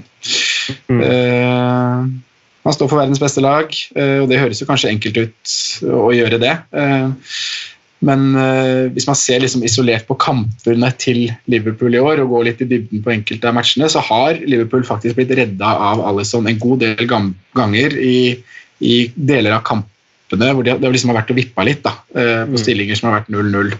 Eh, hvor han har vært, eh, vært fremme og gjort avgjørende matchvinnende redninger, kan du da kalle det. Eh, han, han er jo langt nede på lista over redninger. Det er fordi Liverpool også er langt nede på lista over skudd sluppet til. Men redningsprosenten har jo, som vi har vært inne på i pod tidligere, vært eh, relativt høy for alle sånn i store deler av sesongen. Mm. så ser du også da hvor, hvor stort utslag det gjør for Liverpool å miste Alison i de kampene hvor Adrian må inn. Eh, Så han betyr mye for, eh, for laget. Så jeg, jeg liker han. Han er, eh, han er en god keepertype. Han oser trygghet, uh, autoritet. Han har kassa fram Hvis man ser på Pickford, da, som uh, strutter rundt deg med kassa fram som en strutt, så er på en måte Alison den keeperen Pickford ønsker å være. Uh, Men han har det bare veldig naturlig i seg. Mm. Så han er på en måte min, min hovedmann på den keeperplassen. Så har jeg også skrevet ned en Jeg har jo laget meg en liste med alle keeperne og rangert de. Ja, sånn, sånn, sånn er jeg, men jeg har da en liksom, utfordrere som kommer rett bak. da. Men eh, dere kan godt ta innspill på alle sånn hvis dere har noe. Men det er, det er jo noe med den der, Du som keeper vet jo det, men det, det handler om på en måte å ha selvtillit, men det handler også om ikke gå overkill på det. Mm. Det er vel det du nevner med Jordan Pickford kanskje i, i første rekke. da, At han skal være så uh, Han har så markeringsbehov for å vise at han er en god keeper. Og så kommer Ja. det litt sånn ovenpå, og så kommer det en sånn tabbe. da. Eller ikke tabbe, men han gjør mange feil, da. Ja, det blir, det blir for mange feil. Uh, og jeg liker jo ikke Pickford som keepertype i det hele tatt, for han gjør så veldig mye ut av seg. Mm. Uh, men det er på en måte en annen diskusjon. Men uh, jeg er enig. Og, og Alison gjør vel knapt feil. Det er ikke, Ja, det- mange, du kan, det er ikke mange du kan telle. Som har vært Ja, det er mange ganger Liverpool har blitt kjørt, og han er jo rolig som skjæra på tunet bak der og, og holder baller uh, uansett hvor mye trøkk det er. Så, nei, jeg, jeg er for så vidt enig i det, men jeg har skrevet, et, skrevet en annen uh, keeper da, på mitt lag. ja. Eh, og det er ene og alene Grunnlaget der er at jeg tror laget hadde rykka ned hvis ikke han hadde stått i det laget. mm, Det er, det er egentlig Grunnen er så enkel. mm, Uh, og han heter Dubravka. Mm. Mm. Veldig bra. Ja, Uh, Veldig bra. Jeg sa jo det faktisk før sesongen at jeg ikke tror Newcastle rykker ned, men uh, uten han så hadde de gjort det. Det hadde de. Jeg har- Eh, han er keeperen med flest redninger av alle i år, og han er kanskje i mine øyne den mest undersnakka keeperen av alle, sammen med kanskje Guaita, som står i Crystal Palace, som er en av mine andre på, på topp fire-lista. Uh, Dubravka er ganske komplett, altså. Uh, kan, kanskje bortsett fra det som går på distribusjon, men det, det trenger han jo ikke når han spiller i Newcastle, så det er på en måte et kriterium han ikke kan eh, bedømmes ut fra. Eh, så Dubravka er helt enig med deg, Simen. Eh, så har sikkert du fjerdemann, Franco. Kan du dra fra ham? Og vi har ment Dubravka og Guaita, så kommer vel, skal Ja. vel til Sheffield. Ja, på samme måte som han, han Simen sier at Newcastle kanskje hadde rykka ned uten Dubravka, så kan jeg kanskje si at Henders, nei, Sheffield United kanskje ikke hadde ligget an til å spille Europa League uten Henderson, som et nyopprykka lag. Eh, og jeg føler at han er litt eh, sånn Becker light, eh, fordi han har et ganske godt forsvar foran seg. Eh, men liksom, altså, du Sondre, som keeper vet jo kanskje det at når du dominerer kamper som keeper, så kan det bli litt kjedelig. Og det er der han, både han Henderson og han Alison Becker har imponert veldig, syns jeg. For når de liksom har stått og, og, og sett på gresset vokse i 80 minutter, så stepper de faen meg opp liksom i det 84. likevel og er fullt fokus. Og han Henderson uh, syns jeg eh, altså Clean sheet-recorden er jo én ting i tillegg, på en måte, men eh, han har så mange matchvinnerredninger for det laget også. Eh, så et lag som, som, som kanskje gjør eh, som, som er den største overraskelsen denne sesongen her, da. Mm. Så det hadde vært litt merkelig å lage en elver for meg uten et defensivt fiber fra Sheffield United. Mm. Men jeg har også Eh, nevnt eh, Pope, eh, som altså, Det er vel flest clean sheets bak Becker, men Ja, eh, men Pope hadde en periode midtveis der som var helt forferdelig. hvor Det var snakk om Ja. benking og sånne ting, så han, eh, i mine så kan ikke han være med i en diskusjon som det her. altså. Det er veldig mange andre keepere som er, eh, veldig mange andre keepere som er foran han. Mm. Mener jeg. Men han har vært god ja, i det ja. siste. Det har han. Eh, Men det er jo som du sier, da, da, da har jeg utelukkende sett på, på clean sheet eh, record. Og der Ja. mener jeg jo tre andre navnene vi nevner, i Becker, Henderson og, og Dubravka. Og kanskje, som du også sier, Sondre Guaita skiller seg litt ut. da. Ja, og det er jo også en som er undersnakka, da. Eh, og Guaita har nok falt litt uh, i den siste perioden. Uh, men hadde i hvert fall fram til slutten av januar så hadde han var en stor grunn for at Crystal Palace eh, lå der de gjorde, og hadde den eh, De hadde vel en Totalt i år så er de en expected goal conceded på 44, og de har sluppet inn 32. Eh, det er bra. Så han har vært matchvinner for de også flere ganger. Men både han og Henderson har jo både vunnet matcher for laget sitt, men det er også keepere som faktisk da har, har tapt kamper da, for, eh, for laget sitt. Henderson hadde vel en ganske grov en mot eh, Liverpool, mens Guita kasta en ball i mål på hjemmebane på en corner. Eh, Men de har vunnet flere kamper enn de har tapt, så Mm. det er det som er viktig å snakke om, og som ofte ikke blir snakka om når det kommer til keepere. Men er, er vi uenige på keeperplass, da, kanskje? For det blir kanskje litt vanskelig å, å sitte og skulle diskutere fram og tilbake og lande på å være enig på en fullstendig elver eh, når vi har ti minutter på å sette opp. Vi har mer enn ti minutter, Franco. Jeg har hele kvelden. Jeg skal ikke For, for jeg, Men eh, nei, vi, jeg, tror vi er ikke uenige på at alle de der er gode alternativer, men jeg er ganske klar på at hvis du skal sette opp et årets lag i Premier League, eh, så, og du har en keeper som er Han er fortsatt så mye bedre enn de andre Mm. eh, at han bør være der, egentlig. Kanskje jeg går litt imot kriteriene mine, men Alison er viktig for Liverpool. altså. ja, det er det som er det argumentet kan man bruke flere, i flere posisjoner òg. Det. Altså, altså, det vil alltid være spillere som er bedre enn den overraskelsen du har i elveren. på en måte. Ja. Så jeg har jo han Henderson bare ut ifra fra utgangspunktet, egentlig, men den er ikke soleklar. Men jeg måtte skrive han, følte jeg. Jeg måtte ha han og Sheffield United bak der. Ja. Nei, jeg, jeg har skrevet Dubravka, men uh, nummer to er, er for meg også Alison Becker. Altså. Ja. Nummer to for meg er jo Henderson foran Dubravka. Mm. Så, Skal vi gå til, eh, til Forsvaret, da? Hvordan formasjon du må, har du, Simen? du må konkludere på keeper, da. Jeg har Henderson. Du må si hvem vi har. Vi skal sette opp et felles. Oi, det, det klarer vi ikke å gjøre. Vi har jo alle tre forskjellige. Så det er på en måte ikke noe to mot én engang. det går jo ikke. Jeg, jeg, jeg er ikke med på din Henderson. Altså. Nei, det er du ikke. Nei, men Da sier vi Alison, da. Så går vi videre. ja, da blir det kanskje det, da. Ja. Eh, stoppere, da. Sånn, Simen, jeg vet jo at du kanskje Det er kanskje ikke lyn fra klar himmel, men du har lagt klar en eh, ikke firebacks. Det har jeg selvsagt ikke gjort. Eh, Så kjedelig kan man ikke være når man eh, lager lag. Jeg har satt opp et laget mitt i en 3-4-2-1. jeg. Ja, du spiller FM, du. Jeg spiller FM, vet du. Eh, Der bruker jeg også flere linjer, men eh, 3-4-2-1 ble det her, faktisk. Mm. Du kan også egentlig kalle det en 3-3-3-1 for så vidt også. Okay, få- høre, høre begrunnelsen på de tre du har valgt. Eh, det er viktighet av lag, som sagt. Det er eh, offensive bidrag. Eh, og selvsagt defensive først, men eh, det er et veldig pluss om du har offensive bidrag. Og så er det clean sheet på, på lagene. Og så er det noen lag, f.eks. Newcastle, grunnen til at jeg hadde Dubravka, er at jeg mener at keeperen faktisk er viktigere enn forsvaret foran seg. I et annet lag så syns jeg faktisk forsvarsfireren og formasjonen, hvordan de ligger, er viktigere enn keeperen som står bakerst. Ok, Eh, Få høre, høre Slenge navn, da. Førstemann Trent Alexander Arnold. Uh, Og I treer bak? yes. Men det her er jo ikke reelt. Nei, men det var ikke kriteriet for laget mitt. Nei, ok. Greit. Mm. Ja, Trent bak. Virgil van Dijk. Ja. Det er bra. Han, han, eh, han må nok med, skjønner du. ja da, han har vi alle tre sikkert. Ja. Jeg jo har Trent, altså, men da på en høyreback-posisjon. Ja, samme. Og så har jeg Ben Chilwell I trebacks. i trebacks. Han kan spille trebacks. Det De er wingbacker, de. Men det kan ikke Trent, men han har du. Mm. det vil si at du har to wingbacker som stopper, da. Altså, dette kunne jeg gjort på FM. Kunne jeg bare satt de som ballspillende midtstoppere, og så kunne disse sittet og strødd på sida av van Dijk. Wow. Da, da er vi jo litt eh, uenige med, her med en gang, men det, det visste kanskje du, Simen, også da du satte opp det her, at det Ja. kommer jo til å være. Sondre, eh, tre eller to stoppere?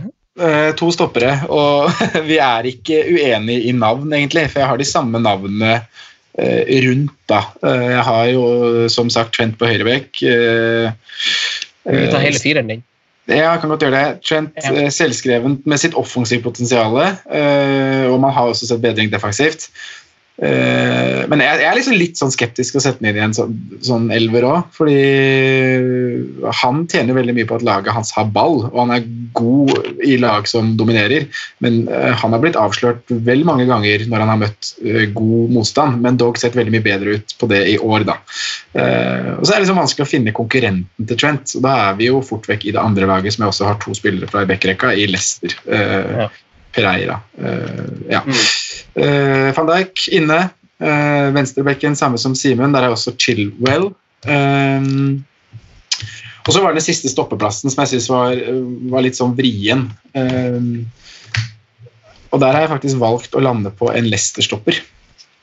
Eh, da basert på deres eh, sesong, da, som har vært eh, veldig bra.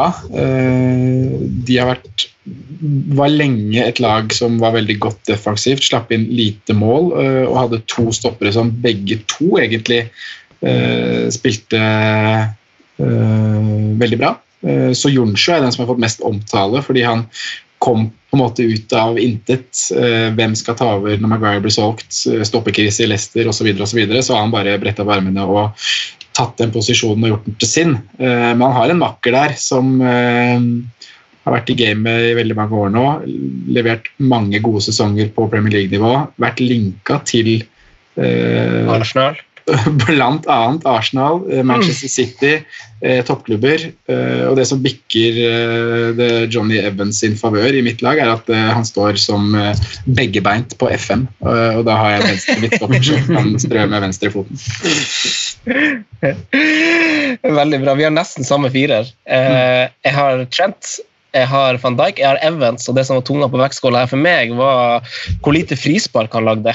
Han har også spilt alle kampene, det er jo viktig å påpeke. og, det er jo kun eh, Han har jo lik, kun én clean sheet mindre enn de her Liverpool-backene. Uh, undervurdert spiller. uh, rolig og fin. Mm. Van Dijk ved siden av. Um, Eh, og så vurderte jeg vurderte jo O'Connell som er en stopper òg, men jeg droppa det siden jeg gikk Henderson på mitt lag. da, Og så er venstrebacken gikk jeg for Robertson, bare for at og så, og Jeg vurderte liksom Stevens og Ben Chilwell, men jeg syns Mm. Robertson på en måte har vært best. da. Så det ble Nei, Ja, jeg har både Enda Stevens og Ben Chilwell foran Robertson. Ja. Man kunne jo bare satt opp hele backrekka til Sheffield United der, egentlig. da. Ja, det er, jeg synes det er vanskeligst å plukke hvilken stopper du skal ha. Ja, ja, men da, Derfor føler jeg at det er litt sånn hipp som happ, nesten, for alle har vært så gode. Ja. Mm. Men, eh, men eh, dere har jo ikke noen defensive fra Sheffield United. Nei, det var nære på alle. Mm. Men der igjen er det jo at man kunne da Jeg kunne jo satt inn en av de stopperne for Evans, da. Men uh, ingen av de wingbackene passer på en måte inn i system eller noe sånt.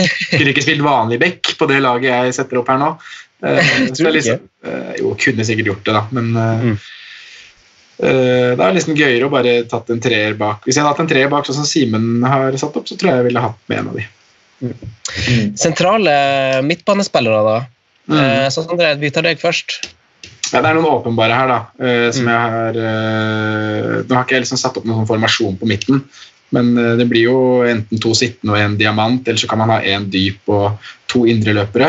løpere, for jeg tenker to kanter og én spiss. Og da tar jeg, Hvis vi skal ta et anker hos meg da, eh, og to indreløpere, så har jeg lyst til å holde meg i, i Leicester eh, og, og hylle hylle ryddegutten Ndidi. eh, som har hatt en veldig god sesong. Og der igjen også viktigheten for laget hans. Da. Den tror jeg vi ser nå med at han har vært skada siden Har det Genvik 20 Skal vi inn og se her. Genvik 22, da. Men han har starta 20 kamper. Ja, han, har, ja, så han er innenfor kriteriene dine. Mm. Eh, og i de 20 kampene er jo de 20 kampene som Leicester har prestert best. Det sier jeg nå uten å sjekke, sjekke det, for det tror jeg bare det er. Eh, og han har vært bra. Så Ndidi i en dyp rolle der, det, det ville jeg likt å sett. Eh, han kan også være en av to sittende. Jeg, det, man kommer litt tilbake til de to andre navnene jeg også har på midten. Eh, ja, Så man velger litt som hvordan man, man setter det opp. Men det er jo de, to, de andre navnene er jo selvfølgelig de to gutta vi snakka om i stad. når vi nevnte årets, årets spillere. Eh, så har jeg også noen jokere, men de kan vi ta, ta etterpå. Eh, Simen, Jeg har eh, satt opp de to sentrale med Jordan Henderson og faktisk, jeg trodde ikke sånne kom til å nevne men Wilfred Ndidi. jeg har de samme to i min, i min 4-2-3. Ja. Men, og det, det blir litt med referanse til det jeg innleda til, for jeg føler ikke at han, det her er rollen verken han Ndidi eller han Henderson har spilt best i denne sesongen, i en duo på midten. Nei. Enig. Men altså, sånn kan du ikke ta hensyn til. at Sentral blir jo på en måte Så derfor vurderte jeg liksom om tieren min De Bruyne skulle bak på indreløper og, og litt, litt sånn rør, men, Men det er, det- er ikke det ikke derfor mitt oppsett da blir perfekt, da, med Ndidi dyp og Henderson og De Bruyne som indreløpere? Ja, for det, det, kan jo jeg, det kan jo jeg også gjøre. Ja, bare gjør det sånn, da. De Bruyne litt lenger fram. Bare dra litt i den For han igjen har jo vært best når han har ligget helt på toppen der. Ja, falsk nier, han, vet du. Ja. Eh, offensive spillere, da. Simen først denne gangen. Ja, jeg har jo Hæ? Eh, hvor, hvordan, var, hvordan, hvordan er denne formasjonen din nå? Hvordan, eh, hvor, hvor, hvordan spiller For du har ikke en trio som er bak én spiss du nå? Eh, Nå hører jeg åssen blir dette? ja, nei, jeg har tatt to uh, Du har wingbacker. Du har, ja. Nei, de er jo ikke wingbacker. Det er to eh, brede midtbanespillere, på en måte, uh, som har blitt der. Eh, Som ligger midt i eh, Som er Nei, de er jo, de er offensive, det er ikke noe Altså, du, har, du har ingen på kantene før du kommer helt foran. på en måte.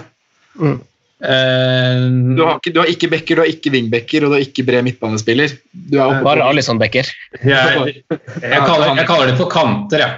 Ja, du har kanter, ja. Okay, Ja. ja. Hvem er dine kanter? Jack Reelers. Ja. Uh, enorm på eget lag. Eh, selv om de er i fare for å rykke ned, så syns jeg han må med. Mm. Jeg synes han har vært fryktelig god. Uh, og han har også vært litt sånn som du sier, da, kanskje ikke nødvendigvis spilt i den posisjonen, men han har spilt bredt. Ofte. Eh, Men Det er der han har vært, det er der han har vært aller, aller, aller, aller best. Da han har spilt i den posisjonen. Ja, og så har han jo drifta fritt, egentlig, men utgangsposisjon bredt til venstre. Eh, på andre kant så har jeg Hong Min Son. ja. Det har du faktisk. Ja.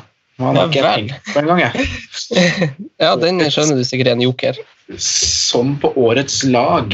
Mm. Yes. Eh, Ok. Sondre, har du, har du lyst til å ta dine kantspillere? Ja, eh, jeg har faktisk skrevet opp eh, Jack Grealish her, slash en annen, for jeg klarer ikke å bestemme meg. Men jeg ville trekke fram han og en annen. Jeg har Sadio Mané på den ene kanten. Eh, og der også blir det liksom Han også spiller jo best på venstre, på venstre kant, da. men eh, hvis eh, Jack Grealish skal med, så ville jeg faktisk brukt Jack Grealish på venstre og Sadio Mané på høyre. Hvis jeg hadde spilt FM. Det, det, er det jeg har gjort, skjønner du. Ja. Eh, men jeg syns også en spiller som vi ikke har snakka mye om i år, men som har levert veldig bra for sitt Everton, eh, det er Richarlison. Mm. Så jeg ville, ville kaste han i hvert fall inn i diskusjonen og sier ikke at han er med. Jeg har nok Jack Willer som han er foran, men eh, ti skåringer og fem assist. Uh, han er en uh, han er teknisk god, fysisk sterk, også en god avslutter. Så han er på en måte en, eh, ja, fortsatt ung, så han er jo fortsatt Han har en uh, fin framtid foran seg, han, altså. Uh, Han når ikke opp.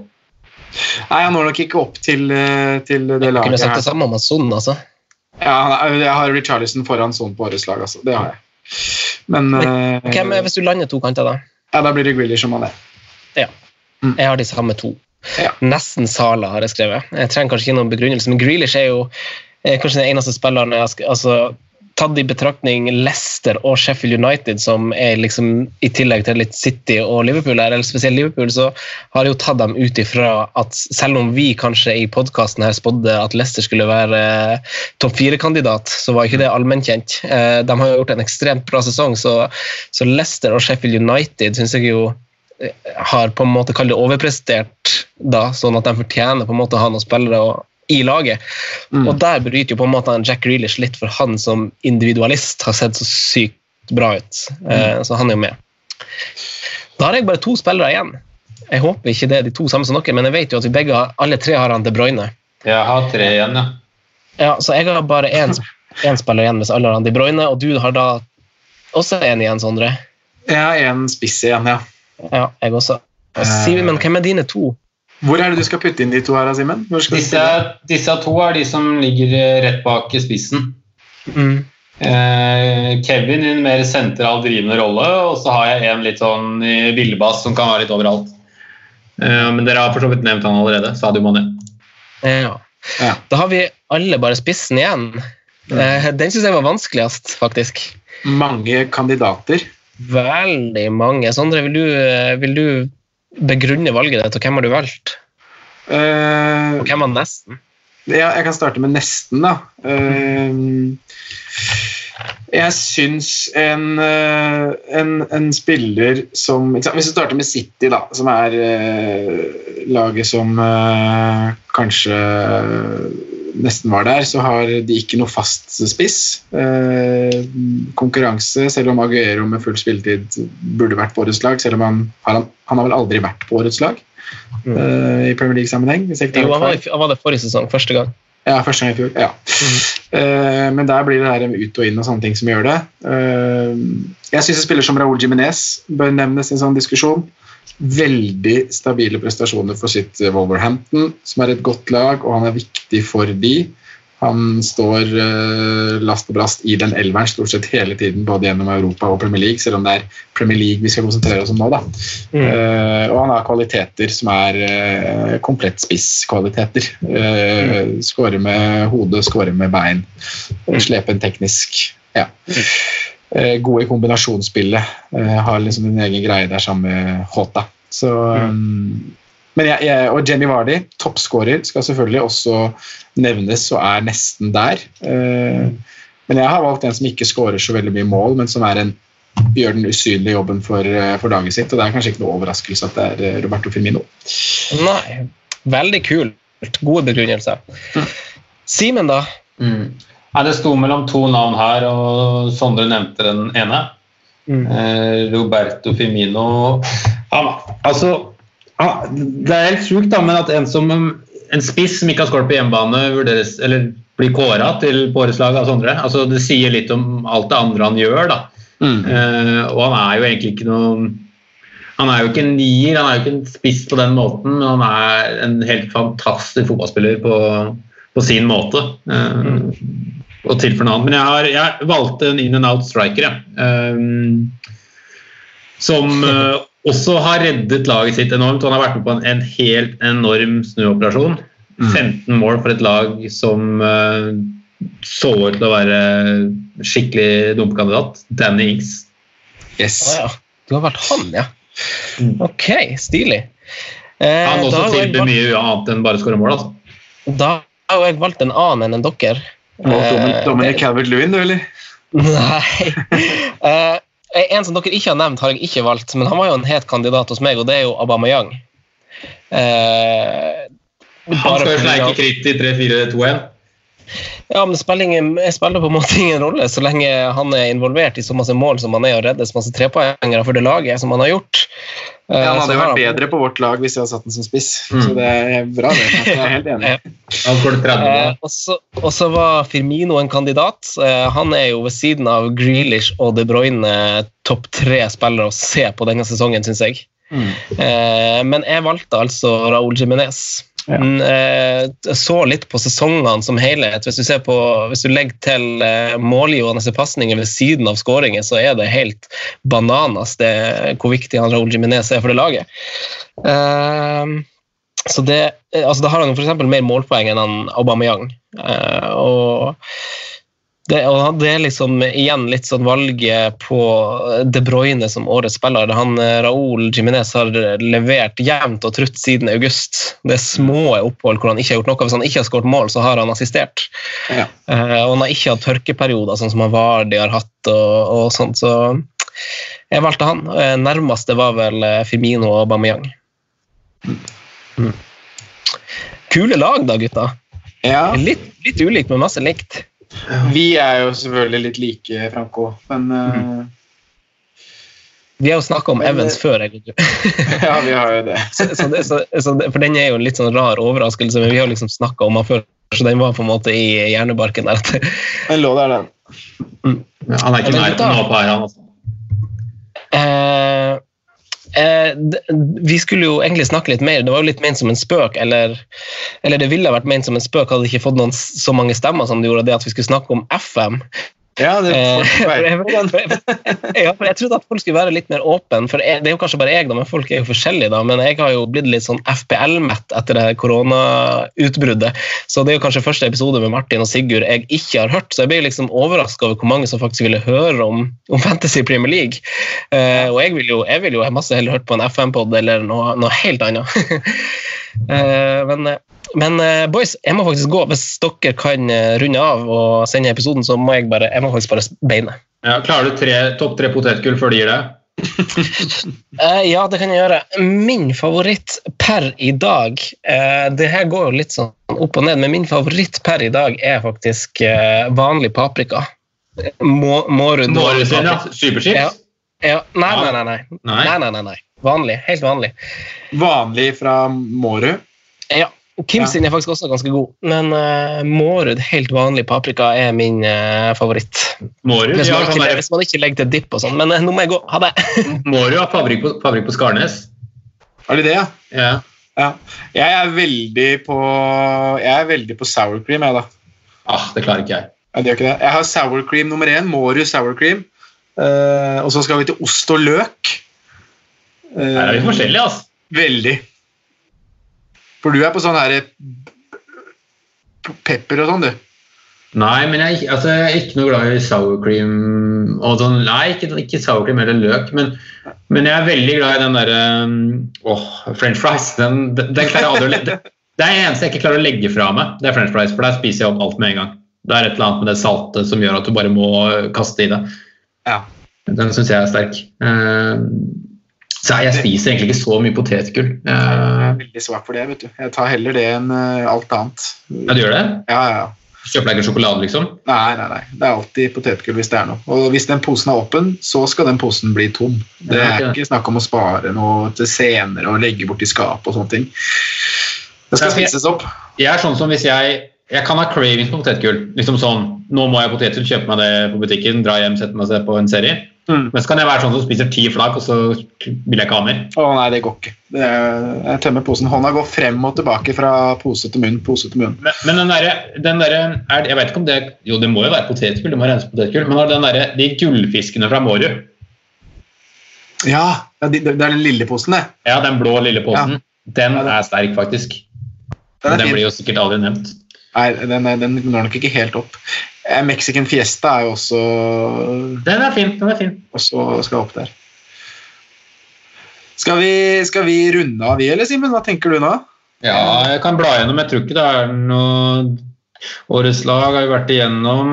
Om vi kan ha noen regler for cash-ligaer, det Jeg, jeg vet bare hva jeg selv har gjort i den ene jeg styrer. jeg Kan ikke du si det? Eh, jeg sendte en, eh, en melding jeg, og sa at eh, At uh, Hva var det jeg skrev for noe? Kan du få det liksom på med sort på hvitt her?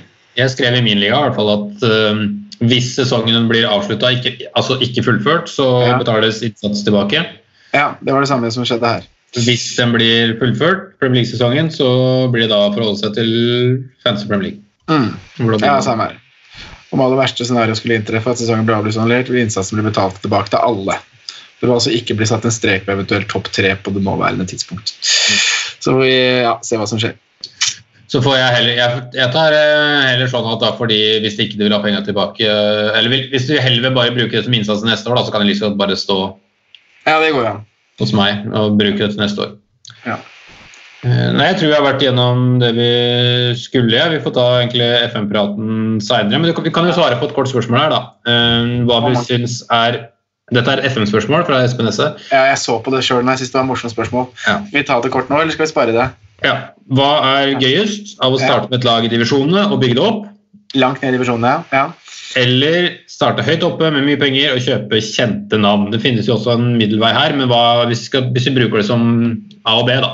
Ja. Eh, Hva liker du best, Sondre? Uh, jeg er veldig glad i, i den første varianten der. Altså starte langt ned i divisjonene og bygge seg opp. Uh, men det er litt avhengig av hvilken liga jeg skal gjøre det i. Jeg liker veldig godt å gjøre det i Norge. Uh, starte så langt ned som det går an. Da. Nå er det jo starta Post Nord nå, da. Og ja Kjøre seg opp til Eliteserien. Med kjente navn. Gutta du kjenner. Eh, så jeg liker det. Men jeg er også filer hvor jeg bare starter med Manchester City, har det du vil av midler. Det kan være fint å gjøre det i starten når du har kjøpt FM, tenker jeg. Bli litt kjent med, med spillere og talenter og bare ja, kan hente mye forskjellig og, og teste ut litt. Jeg starter alltid med Liverpool for å som du sier, bli kjent med spillet. Hva er de nye endringene? Mm. Eh, og da også er jeg ikke så i Selvsagt, du prøver jo alltid å vinne, men det er på en måte det viktigste er ikke bare å bli kjent med spillet, fordi jeg planlegger en annen save. Ja, og da er det fint å gjøre det med en klubb hvor du har uh, Casolinis tilgjengelig. Da. Ja, også Samtidig som du ikke trenger å tenke på hvor har du svakheter, for det kan du fra før. Altså, Jeg veit hvordan Liverpool er bygd opp. Uh, uh, hvilke spillere kan bli gode, hvilke er gode, hvilke posisjoner kan spille i. og sånn, altså, Jeg trenger ikke å tenke så mye på det. Ja. Men jeg skal si at i disse tider da, hvor alle har fri, og det er antakeligvis mange som spiller FM, så når man skal spille online, så syns jeg det er klart morsomst å begynne med et bra lag. Sånn som vi for eksempel gjorde på CV-en vår i fjor. Men Ja, hvis du skal spille online, online med noen andre, ja. ja, fordi at man må kunne ha litt midler å gjøre noe med. Ja, jeg er helt enig. Uh, og, og samtidig at man at kan, Du har ikke tid til noe vorspiel, på en måte. Fordi det Nei. går litt saktere, du rekker ikke så mange sesonger etc. Det kan være at det gjelder bare én sesong. Og da må du få satt, ditt preg på det. Så må ha velge sånn mellomlag. Vi valgte jo Everton, Leicester og Watford. Ja, og da hadde vi, vi har liksom greit med midler til å gjøre noen grep, som du sier, da, og sette et visst preg på det. Så jeg er helt enig. Det er ikke så kult å gjøre det. Men da må man i hvert fall vite at du har veldig lang tid på å spille online, at det er et prosjekt som skal gå over et helt år nesten. Da. Så du, hvis du skal starte i League One eller Championship.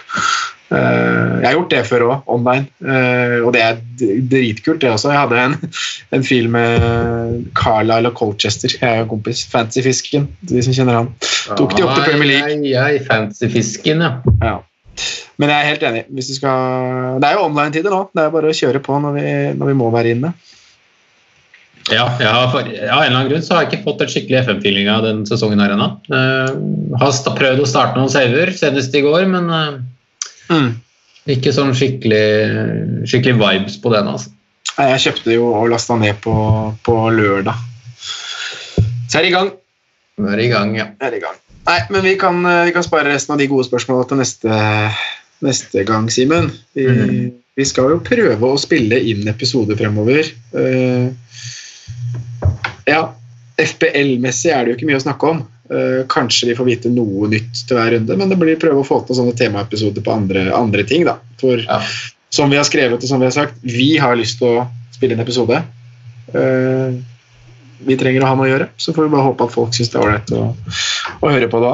Kan ikke det være en oppfordring da, til eh, alle som lytter, å sende inn litt sånn spørsmål i mm. alle kategorier? Vi er på en måte åpne for litt breakups og dumme kåringer og Ja, eh, hva enn det skulle være, egentlig. Eh, bare for å få tida litt til å gå. Det har hjulpet meg veldig nå å sitte på telefonrøret i en time og tre kvarter, merker jeg. Enig. Og så er det gøy, jeg synes det er gøy, Vi liker jo å snakke fotball alle sammen, men det er gøy å kunne snakke litt fotball uten å ha fantasy-brillene på. da. Eh, snakke litt om, eh, ja, som vi har gjort i dag. Så gjerne mer av det. Og så er det litt sånn morsomt, sånn som i hvert fall den der hvilket tre du vil sitte i karantene med. Få litt sånn eh, bare prate om typer, profiler eh, etc. Mm. Hvis folk liker å høre på det. Vi må få tida til å gå sammen. Vi må det. Det er dugnad. Dugnad, det er du glad i. Men da takker vi for i dag, Simen, og så sier vi ha det til alle som eh, har hørt på. Mm. Vi snakkes. Takk for at du hørte på vår podkast. Vi setter stor pris på om du følger oss på Twitter, Instagram og Facebook. Vi er fans i rådet på alle mulige plattformer. Moderne media. Ukens annonsør er Folio, en smartere banktjeneste for deg som har en egen bedrift eller ønsker å starte for deg selv. Folio er en superenkel nettbank for bedrifter. Som kunde i Folio får du en bedriftskonto med et bedriftskort og app. I denne appen er det smarte løsninger som forenkler regnskapet ditt, uansett om du har en liten bedrift eller et enkeltpersonsforetak. Folio er både intuitivt og brukervennlig, og er laget med et enkelt språk. I tillegg tilbyr de forutsigbare priser og ingen skjulte gebyrer. Skulle du likevel trenge det, så kan du snakke med deres raske og hyggelige kundeservice, og der får du prate med en faktisk person og ikke en chatbot. Folio er med andre ord både enklere og koseligere enn banken. Over 10 000 bedrifter har allerede valgt Folio som sin banktjeneste, så besøk folio.no og se hvordan Folio kan forenkle din hverdag også. Har du et enkeltpersonforetak eller en liten bedrift? Da er du sikkert lei av å høre meg snakke om hvor enkelt det er med kvitteringer og bilag i fiken, så vi eh, gir oss her, vi. Fordi vi liker enkelt. Fiken superenkelt regnskap.